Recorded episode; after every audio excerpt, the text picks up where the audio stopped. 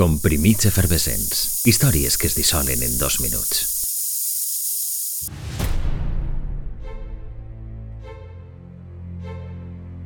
Va ser el més eficaç i el que més missions va cobrir dels seus quatre germans. Tenia el nom més cinematogràfic de tots i es calcula que va recórrer 241 milions de quilòmetres.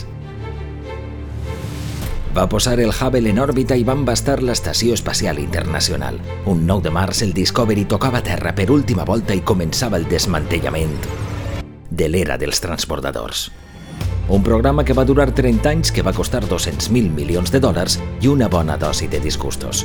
Gràcies a estos diners es construïren cinc titans de l'espai que durant tres dècades teixiren bona part de la xarxa de satèl·lits i observatoris que avui en dia ens faciliten la vida i són font de ciència.